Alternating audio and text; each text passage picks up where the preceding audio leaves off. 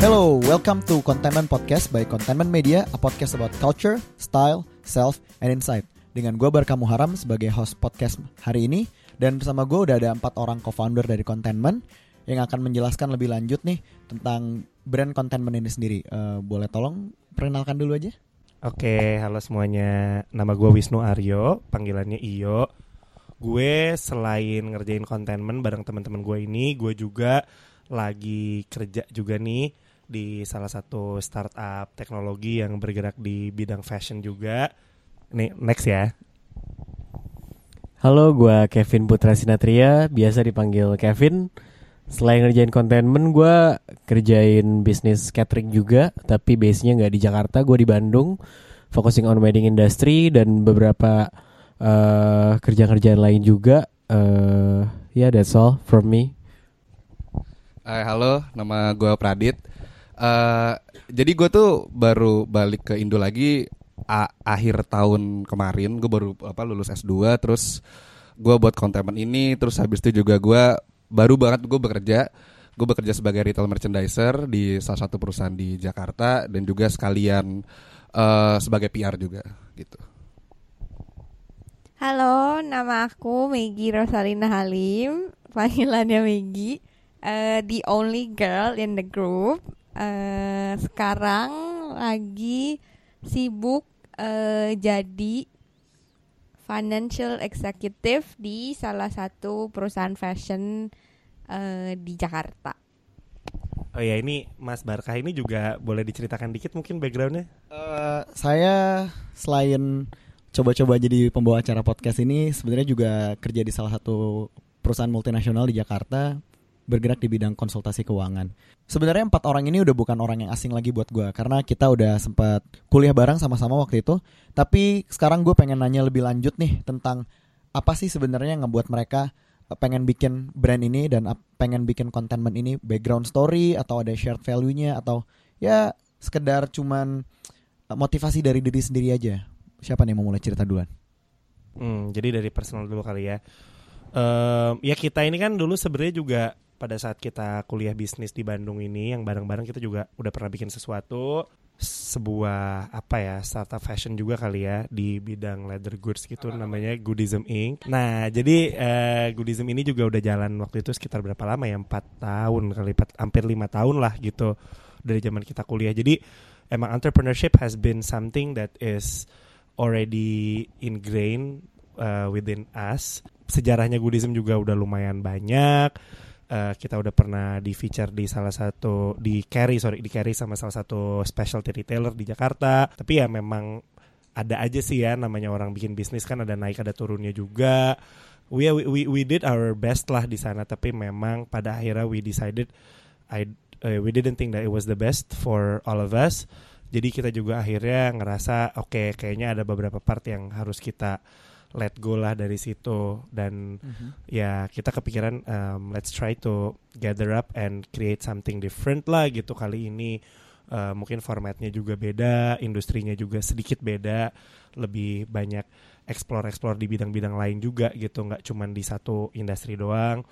So ya kurang lebih sih kalau ditanya kenapanya rela susah-susah buat oh gila nih gue habis pulang kerja masih ngerjain ini lagi ya karena ada itu juga sih. Mungkin yang lain yang mau nambahin kalau dari gue pribadi sih uh, background dari keluarga gue sendiri emang entrepreneur baik dari bokap dan nyokap gue uh, wedding industry ini diwariskan ke gue tapi masih diran sama keluarga gue juga. Cuman kenapa gue bersusah-susah untuk bikin satu bisnis lagi bersama teman-teman gue karena ya we've been through a lot of history. Selama kuliah kita udah pernah bikin bisnis bareng we have a lot of chemistries yang udah dibangun dan kalau kata orang mimpi boleh nggak satu dan dikejar aja kan kalau mimpi. Dan maksudnya buat gue personally sih ada mimpi gue yang pengen bisa membuat sebuah local brand di bidang fashion yang bisa go internasional dan well known akhirnya global worldwide. Dan itu salah satu ambisi yang menurut gue harus gue kejar sih karena ya Indonesia tuh punya banyak source yang bagus dan gue pengen kita jadi salah satu yang dikenal. Kalau gue sih gitu. Pradit? Oh, iya.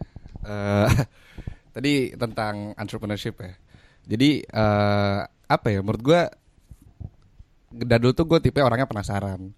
Jadi eh, mungkin gue dari zaman kapan ya SMP gitu gue emang dulu emang selalu pengen punya eh, menswear brand di sana dan itu kelihatan sampai akhirnya gue kuliah gue ngajak teman-teman gue untuk kayak kita buat brand new ini sampai di sana juga kurang berhasil. Terus habis itu kita buat goodism itu cukup berjalan cukup panjang tapi turns out eh ternyata gue nggak bisa kayak cuma membuat sebuah dompet kayak gitu.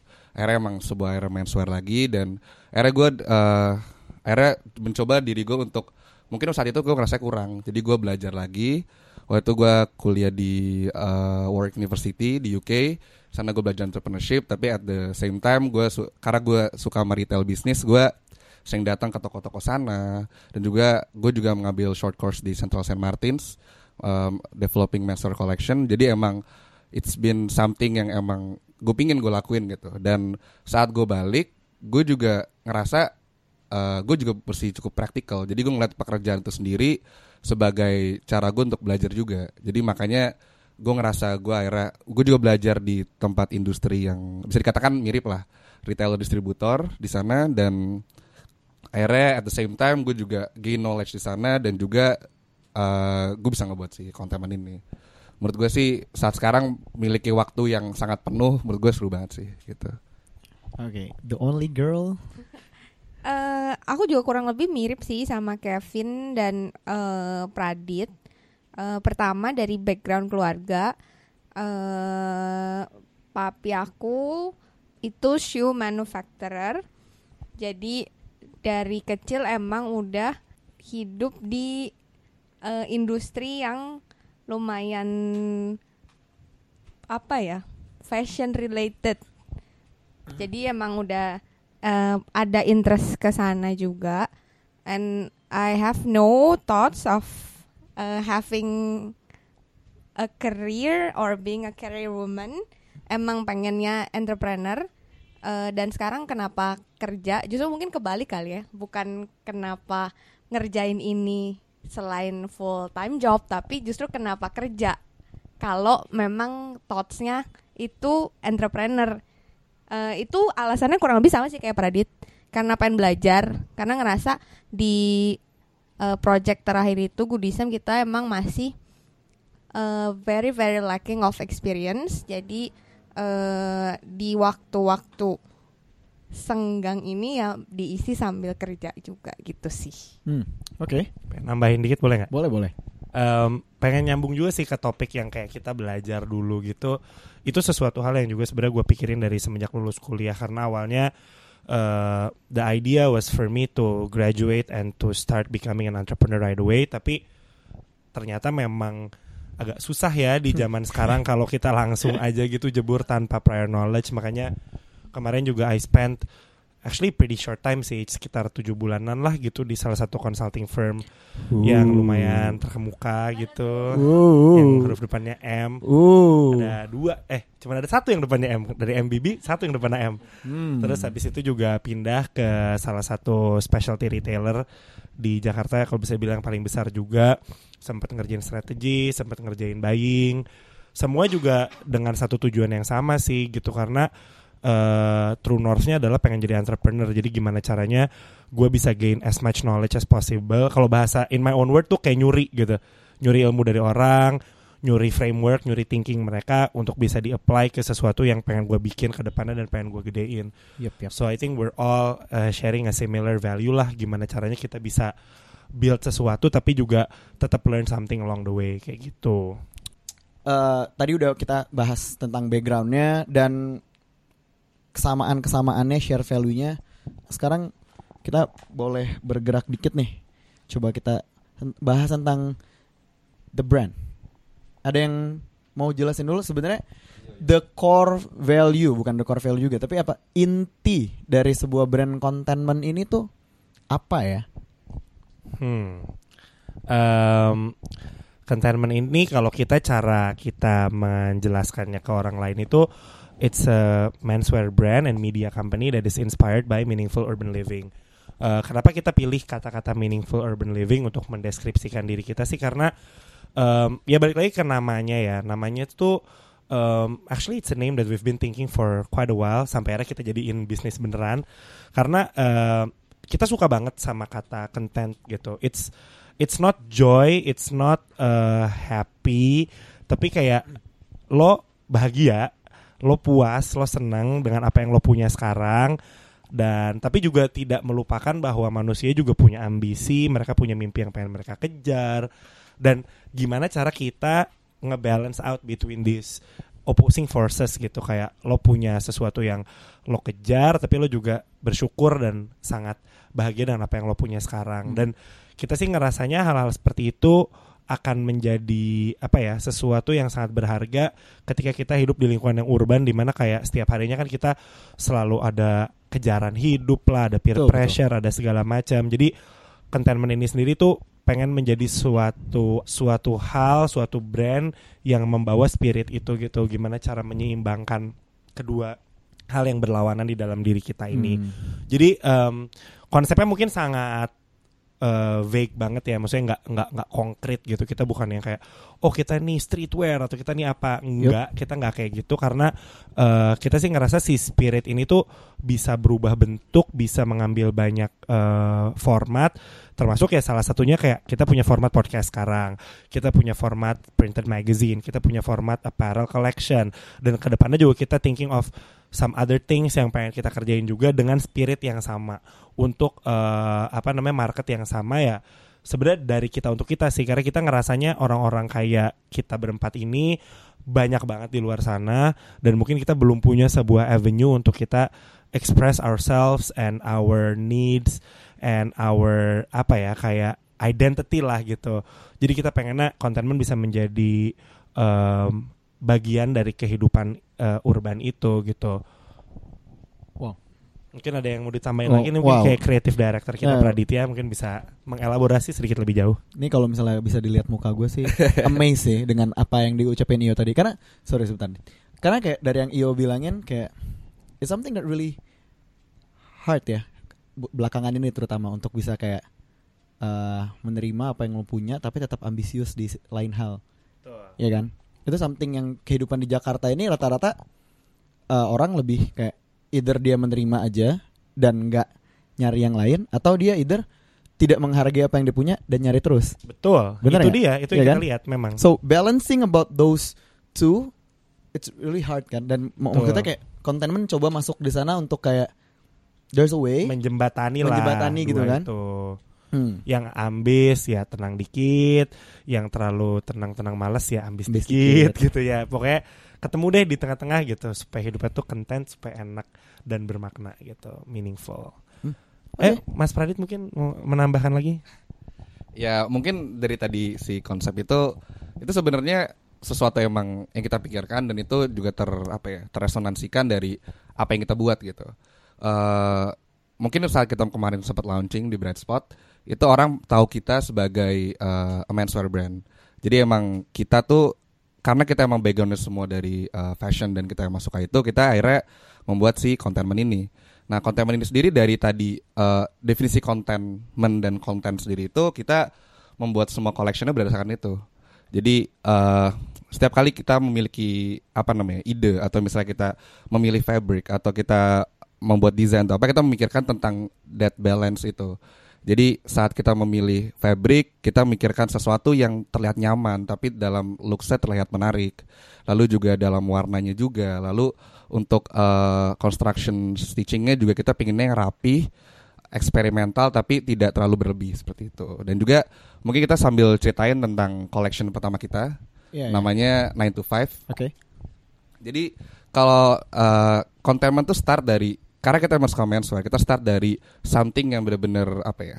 Basicnya menswear, yaitu adalah classic menswear silhouette, which is uh, inspirasinya semua didapatkan dari tahun 1940 sampai 60 uh, dan kita banyak berangkat dari uh, British karena British the one yang emang memperkenalkan menswear and gentleman to the world juga dan di sana Nih, sorry, ada hubungannya sama lo juga ada pernah. ya itu udah buka juga Iya, sih iya, iya, iya, Ya? Iya. iya. Agak bias sedikit tuh kayak. Iya pas kemarin gue juga studi gue juga karena gue ya setahun di sana tapi menurut gue setiap harinya gue uh, lihat ke toko terus gue lihat brand gue megang bahannya ini semua jadi itu secara nggak sadar menjadi masuk dalam kreatif proses kita kayak gitu dan juga sebenarnya nggak nggak nggak semua karena British juga sih karena the way kita mencoba apa ya kita pakai baju kita uh, berpakaian dan kita memilih sesuatu tuh selalu kita base ke menswear uh, klasik menswear itu sendiri gitu. Jadi kalau boleh dikasih tahu 9 to 5 collection tuh sebenarnya kita berat jadi gini kalau ini yang personal gue dulu kali ya nanti yang masing-masing juga mungkin yo Kevin tapi bisa ceritain. Jadi waktu pertama kali gue balik ke Jakarta itu gue lihat teman-teman gue kan kayak mereka wah mereka kerja mereka apa gitu kan. Tapi di sana sendiri gue tuh penasaran sebenarnya banyak banget teman-teman gue yang dia masuk dari tadi antara dua gitu loh kayak satu orang yang benar-benar eh apa ya kayak muak banget sama kerja kayak mual dan kayak bener-bener Kayak saya. ya, kayak kayak, meng- kayak mengumpat tentang pekerjaan itu sendiri dan di lain pihak ada orang yang bener-bener ngomong hustling dengan berkeras-keras seperti itu sampai terasa intimidating gitu.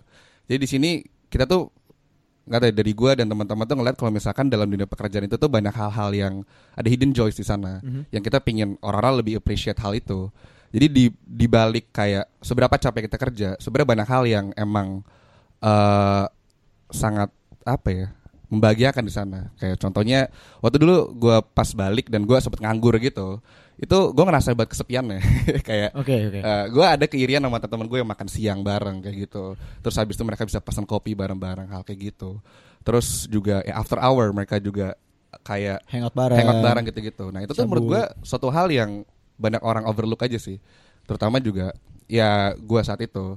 Iya. Jadi gue pingin apa ya konten 9 to 5 collection tuh berangkat dari hal yang emang hal kecil yang mundane tapi itu sebenarnya hal yang meaningful di sana gitu. Oke, karena eh, mungkin be- beberapa juga ngerasain kali kita ada beberapa punya temen yang tiap hari kalau ketemu tuh kerjaannya ngeluh kan sama kerjaannya kayak, lu gue capek banget sama kerjaan gue hari ini segala macam, tapi nggak pernah resign. Iya, tapi nggak pernah resign gitu. Dan maksudnya dan yang diomongin Pradit juga bener banget karena di sela-sela kerjaan-kerjaan itu dit ya, maksudnya ada hal-hal yang kadang-kadang kita overlook ya yang kita anggap udah nggak nggak nggak segitunya lah. Kayak makan siang bareng bisa keluar bareng sama teman-teman habis kantor gitu kan. Which is something yang containment mau coba mau bawa dan kasih lihat lagi. Maksudnya kayak hey guys selain 9 to 5 lo tuh you have this gitu. You have this privilege dibanding orang-orang yang kayak nggak punya kerjaan kayak gini gitu. Is it, is it, is it right? Ya ya bener banget sih. Dan juga sebenarnya kalau uh, personally speaking gitu ya mungkin uh, there's also part of uh, us wanting to celebrate our milestone di mana kayak um, tahun ini juga merupakan sebuah tahun yang penting lah gitu buat kita personally gitu. Kayak um, I just moved jobs my third career movement. So to say uh, in a span of like uh, one and a half three three years. wow. Terus terus. Eh ganti. Kayak nggak ada ini lain. Eh, terus eh, Pradit juga baru pulang dan akhirnya dia juga coba belajar di satu tempat eh, baru gitu kan.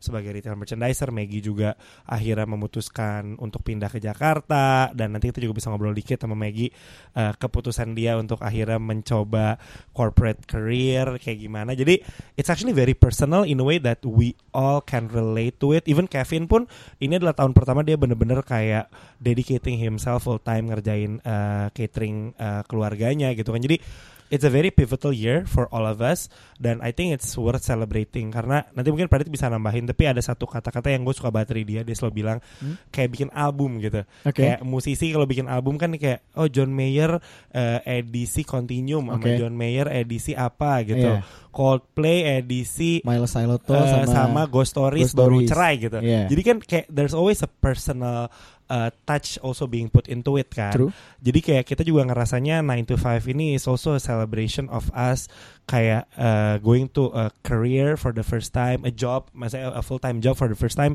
uh, for some of us dan uh, trying to get, gain some meaning out of it. So I think it's also a big part yang uh, sangat berperan dari pembuatan koleksi ini. Jadi kita nggak cuma ngelihat teman-teman kita dan oh kita inspired sama kehidupan mereka terus kita bikin, tapi kita juga pengennya kita sendiri pun sebagai co-foundernya bisa relate ke sana dan itu yang hopefully bisa bikin koleksinya dan ma magazinnya dan podcastnya juga karena saya lebih jujur karena um, it's something that we all experience and even you experience so it's something yang kayak bisa di relate sama banyak orang sih gitu Oke. Uh, so the, the first collection is called 9 to 5. Uh, boleh kasih tahu ada kayak berapa kemeja kah? Mungkin yang agak lebih jualannya sedikit. Oh iya iya. Boleh ntar kita akan lebih bahas mungkin uh, kayak misalnya mas dari masing-masing tab itunya bahannya atau apa. Cuman sekarang in the Oke, brief oke. coba misalnya kayak kita punya kayak tiga kemeja atau kayak tiga luaran apa gimana. Nah. Boleh di Oke, jadi eh containment ini pertama kita introduce ourselves tuh dengan kita nge-offer dua. Jadi pertama kita as a media company, satu lagi juga kita sebagai eh, a fashion brand, menswear brand. Jadi di dalam first edition ini kita membuat printed magazine namanya 9 to 5 collection. Terus juga kita membuat si menswear collection eh, full collection yang ada dari eh, outerwear, terus habis itu juga ada uh, shirts dan juga dia juga ada t-shirt juga nama ada graphic tees jadi semuanya very tematik kita emang pingin semua tuh berangkat dari kata 9 to 5 itu sendiri dan juga kalau untuk bajunya kita uh, semuanya tuh berangkat dari siluet dan semuanya yang bisa mencapai sebuah baju yang cocok untuk dipakai bekerja gitu. Jadi kan ini juga salah satu insight lainnya gitu. Kayak di zaman sekarang ini kantor dan segala macam tidak mem, apa ya? Tidak memaksakan orang untuk memakai baju sangat rapi gitu. Mungkin kalau misalnya kayak Baba sekarang ya mungkin rapi, tapi di hari Jumat dia ada casual Friday gitu. Kayak tetap pingin kelihatan kasualnya tapi juga eh tidak ada rapinya. Nah, kita ngeliat di sana yaitu sebagai apa ya? Sebagai hal yang kita ingin buat. Kita mem- membuat eh, smart casual wear gitu di sana. Dan makanya dari sana kita membuat beberapa kemeja yang eh sebenarnya dasarnya dari bener-bener misalkan let's say kita buat cam collar shirt. Jadi itu awal dari dress shirt yang bener-bener patternnya tuh eh, gingham, terus juga stripes kayak gitu. Tapi kita buat si collar dia tuh lebih apa ya? Kita inspirasi dari tahun 1940 cam collar yang lebih santai lah gitu. belum merdeka itu kita. ya zaman-zaman tapi kerennya kayak gitu Iya benar. zaman-zaman Kita, kita perjuangan dulu gitu. Perjuangan dulu Ah, gitu. Terus terus kita juga buat short sleeve uh, shirt uh, relax itu salah satu juga paling laku ya terutama ya. Orang pada paling suka itu kita juga patternnya eh, ada stripes. yang saya beli itu ya? Iya. Wah, itu mantap. Stripes tuh dan kita juga suka banget sama texture. Jadi kita emang si bahan-bahannya itu sendiri juga masing punya texture sendiri kayak kita memperkenalkan seersucker fabric, terus juga uh, linen kayak gitu. Terus kita juga ya kita pingin buat blazer juga and kita ngomongnya work jacket karena si outerwear itu bisa dipakai saat very formal dan juga very casual juga kayak Oke. gitu. Itu beberapa dari koleksi kita dan untuk printed magazine mungkin Iyo bisa ceritain. Uh, ada satu jembatan sih dari baju kita sama printed magazine kita yaitu our graphic tees. So it's made in collaboration with I think one of the most talented illustrator that we've met in Jakarta. Nama dia Yudit Halim. Um, Shout out jadi to Yudit. shout out Yudit. Uh, dia tuh bikin dua uh, graphic tees.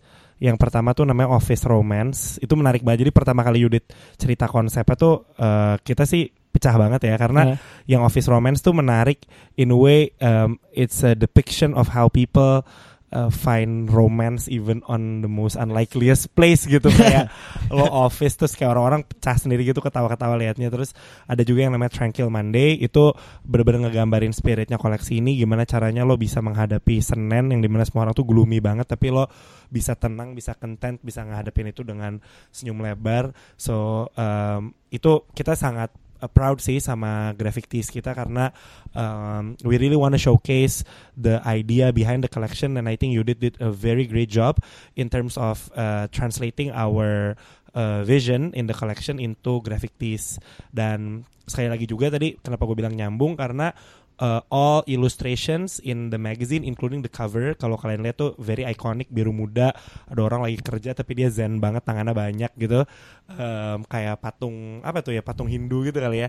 Eh, itu tuh juga eh, dibikin sama Yudit semuanya dan kita juga very lucky to work with a lot of uh, contributors and collaborators buat majalah kita. Shout out buat kontributor-kontributor kita juga. Ada Raisa, dia nulis uh, dua artikel panjang long form kita tentang 9 to 5, uh, Guide to Finish on Time sama tentang free in time uh, for entrepreneurs gimana caranya dia manage to uh, find their time uh, manage their time Terus um, kita juga work with Nadia Natasha, she is our photographer uh, untuk kebanyakan artikel kita sama she also co-write something with me, an article about lunch masters. Terus kita juga kerja sama Adit. Uh, shout out Adit. Uh, Adit ini adalah gimana mungkin bisa dijelasin Adit ini siapa? Siapa nih Adit ya? Siapa sih Adit, Mek? Adit itu pacar saya. ya Adit. Adit ini Adit ini graphic designer di eh sorry uh, product designer di salah satu startup leather goods paling besar di Indonesia. Uh, dia juga bikin satu artikel tentang uh, work workspace aesthetic. It's actually a photo essay and I think it was uh, brilliantly done by him. Terus ada Aisyah juga yang bantu kita di artikel soal procrastinating. Terus um, shout out juga buat illustrator dan eh sorry um, magazine layouter kita uh, Windy juga she did a tremendous job in making it uh, came through. Jadi sebenarnya uh, the magazine itself is actually a byproduct of um, a lot of contributors and we're very blessed to have them uh, with us in this first collection. Uh, sorry, first article, first issue. Um, jadi uh, we're looking forward juga untuk um, kerjasama dengan banyak orang lain juga untuk ke depan ke depannya dalam menguncover uh, inspirasi-inspirasi di balik setiap collection kita gitu. Jadi kayak karena ini temanya 9 to 5, we wanted the writers to also be 9 to 5 workers. Jadi mereka juga bisa kayak relate juga dengan Balik lagi relate. Mm-mm, karena relatability itu menurut gue sih sangat penting ya di zaman sekarang di mana kayak ya magazine tuh ada banyak a lot of it is actually dying banyak print Mhm. magazine udah nggak ada terus ketika lo kayak pergi ke internet what you find is actually junk uh, news gitu yang kayak uh, lima fakta yang mengejutkan tentang ini nomor nomor 6 membuat anda tercengang padahal nomor 6 nggak ada. Iya. kayak gitu kan. Kayak yang sampah-sampah gitu banyak banget di luar sana. Terus habis itu um, when you talk about uh, clothing juga gitu. Maksudnya kayak you can come to any fast fashion establishment and find a decent clothes tapi nggak ada meaning juga gitu di balik itu. Kayak semua tuh cuman ya udah lo punya baju lagi lo punya kemeja tambahan lo punya kaos tambahan that's it gitu. Tapi um, makanya kita berusaha untuk ngasih sesuatu yang berbeda gitu di sini. Gimana caranya sih kita mempresent semuanya tuh authentic honest eh, tapi juga gimana caranya bisa relatable sama target marketnya sendiri sama diri kita. So it's not it's not an easy challenge I have to say tapi ya hopefully kita bisa deliver dan hopefully semua yang dengar semua yang pernah punya touch point sama contentment semua yang mungkin udah beli majalahnya atau udah beli bajunya juga bisa ngerasain message yang mau kita sampaikan sih dari koleksi ini gitu Oke. So I think it's very interesting magazine magazine kayaknya ya dan kira-kira kalau misalnya ada yang mau coba baca atau lihat bisa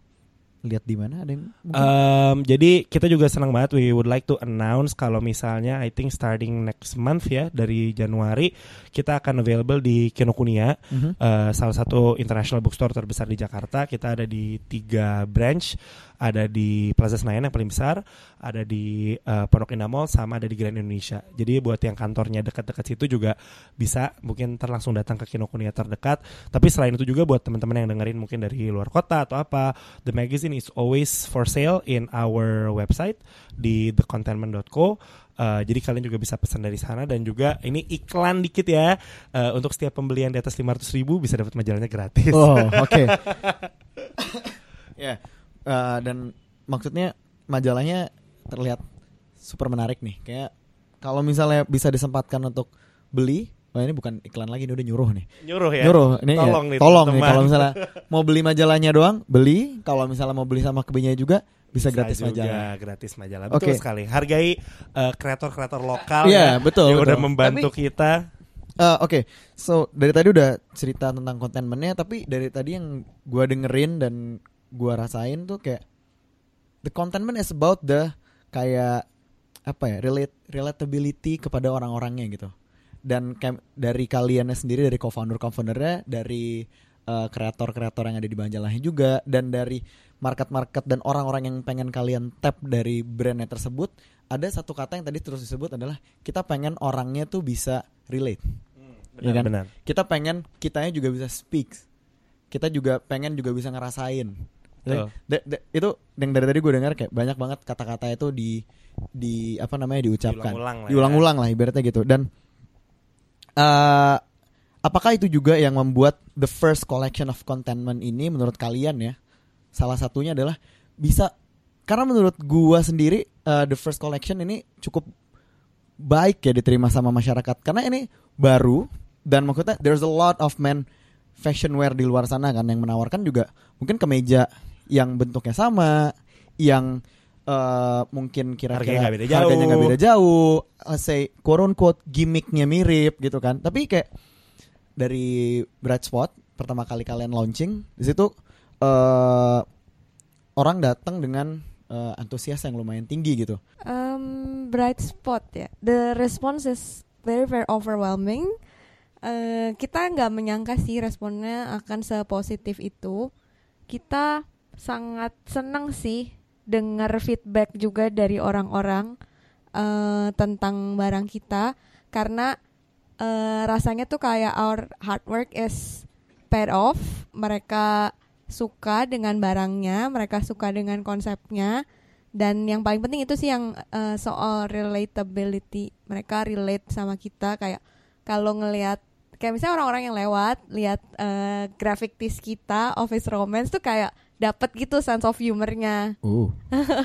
Mungkin kayak banyak kali ya di Jakarta yang eh, office romance iya.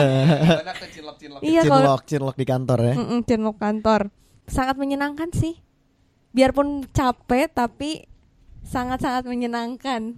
Dan kita sangat bersyukur sih kita dapat channel yang paling tepat untuk kita launch eh, barang kita kita launch eh, brand kita pertama kali.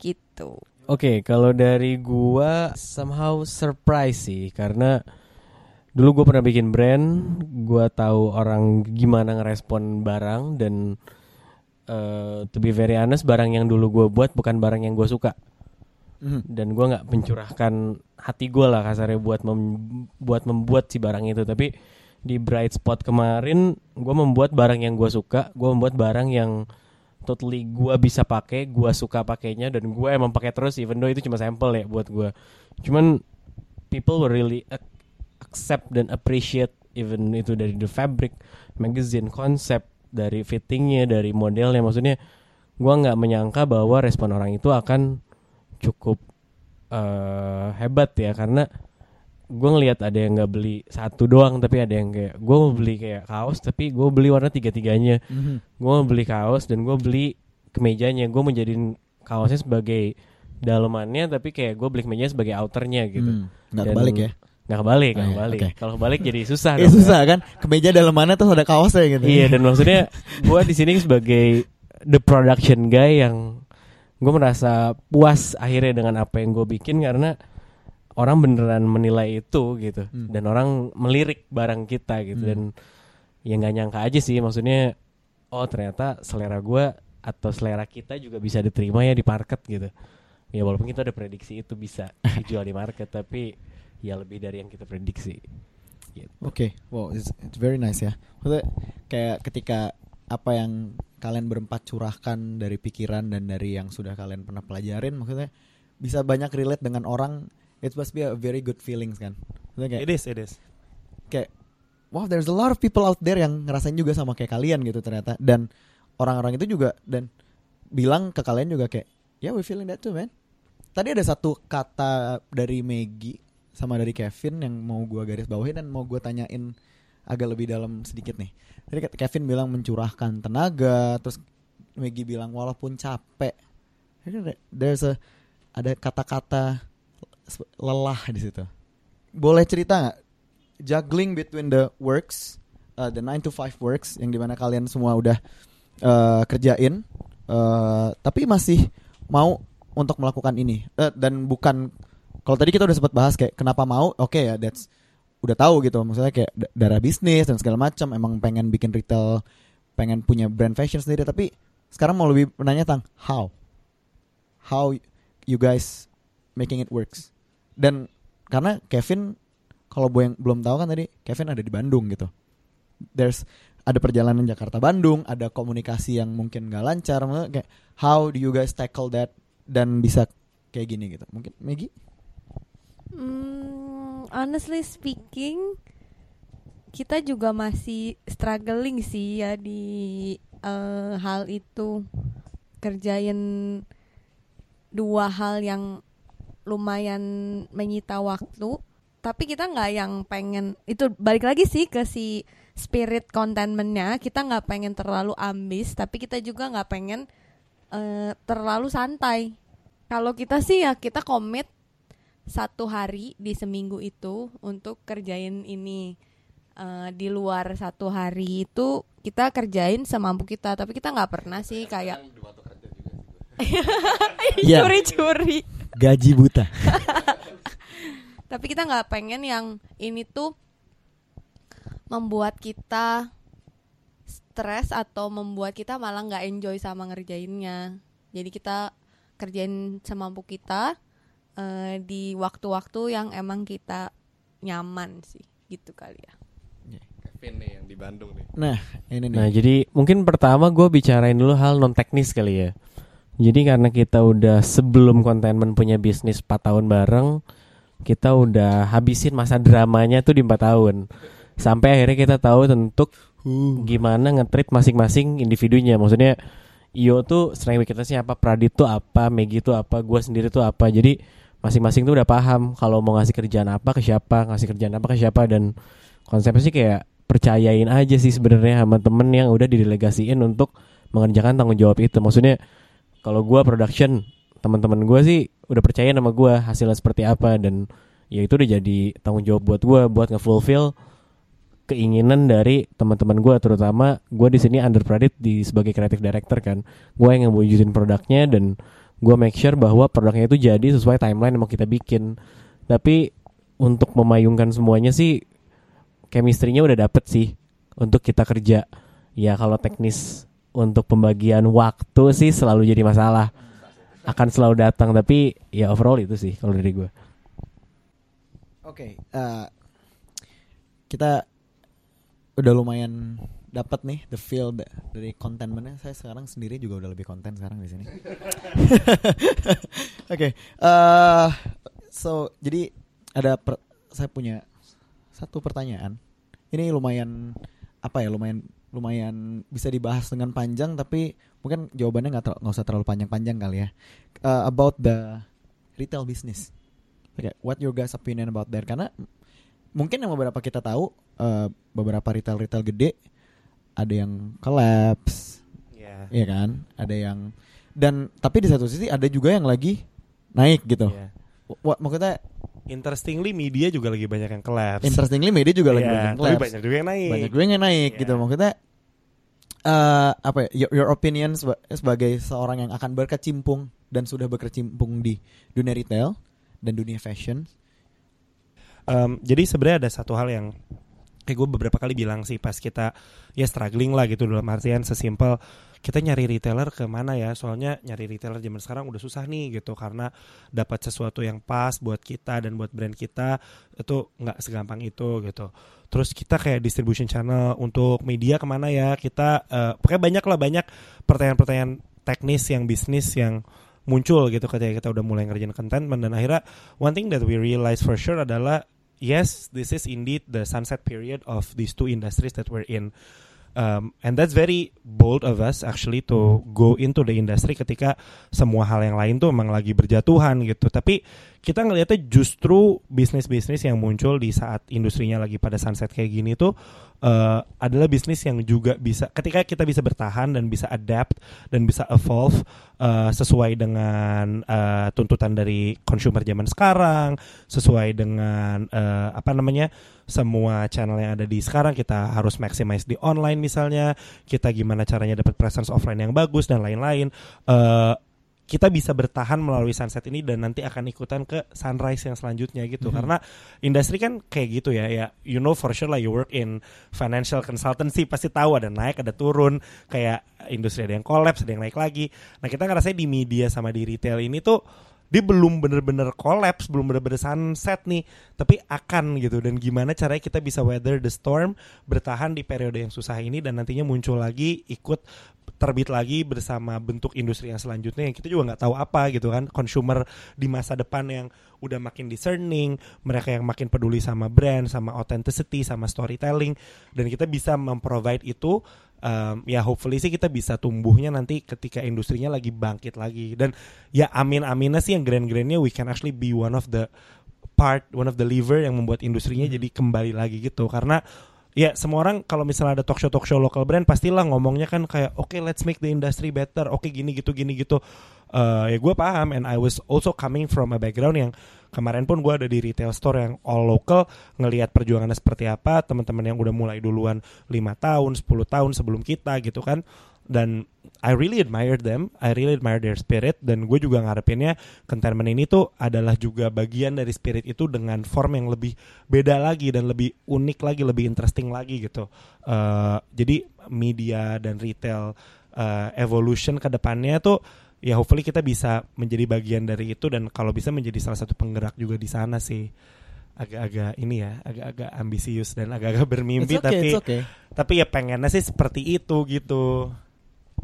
Eh, nambahin dikit dari Iyo, kalau dari aku sendiri sih, menurut aku retail is not that, definitely eh, karena di perusahaan aku sekarang dia itu digitally native sebenarnya, tapi perusahaan aku itu expand juga ke retail offline, so definitely menurut aku retail is not that.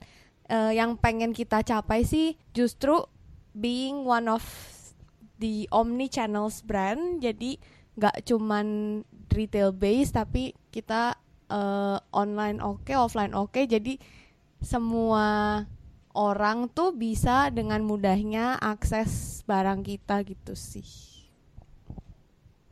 Oke, oke, tha- that's that's the last question I think. Uh, thank you banget guys buat uh, podcast pertama kita hari ini. And definitely check them out in the their website thecontinent.co and their Instagram Thecontentment.co, Instagram content- at the con- content at the contentment. Mungkin kalau misalnya mereka lagi ada di suatu acara, definitely datang karena you have to see it to believe it karena barangnya bagus banget. So terima kasih udah dengerin kita malam eh, hari ini. Ah, Ketahuan habis pulang kantor ya. Iya eh, ketahuan banget habis pulang kantor. Jadi udah error It's nih. 9 to 5. 9 to 5 Jadi Iya. nggak mungkin dong kita rekaman jam kantor bener? Betul. Jadi pasti udah malam. Karena pasti dipecat. Walaupun mungkin yang denger kayak bisa pagi-pagi. Iya, karena bisa ambil kalau rekamannya sambil jam kantor gue dipecat, Dar. gue cuma ngemis podcast saya sama kalian tadi. Oke, thank you banget udah dengerin. Balik lagi sama kita di podcast-podcast selanjutnya. Bye.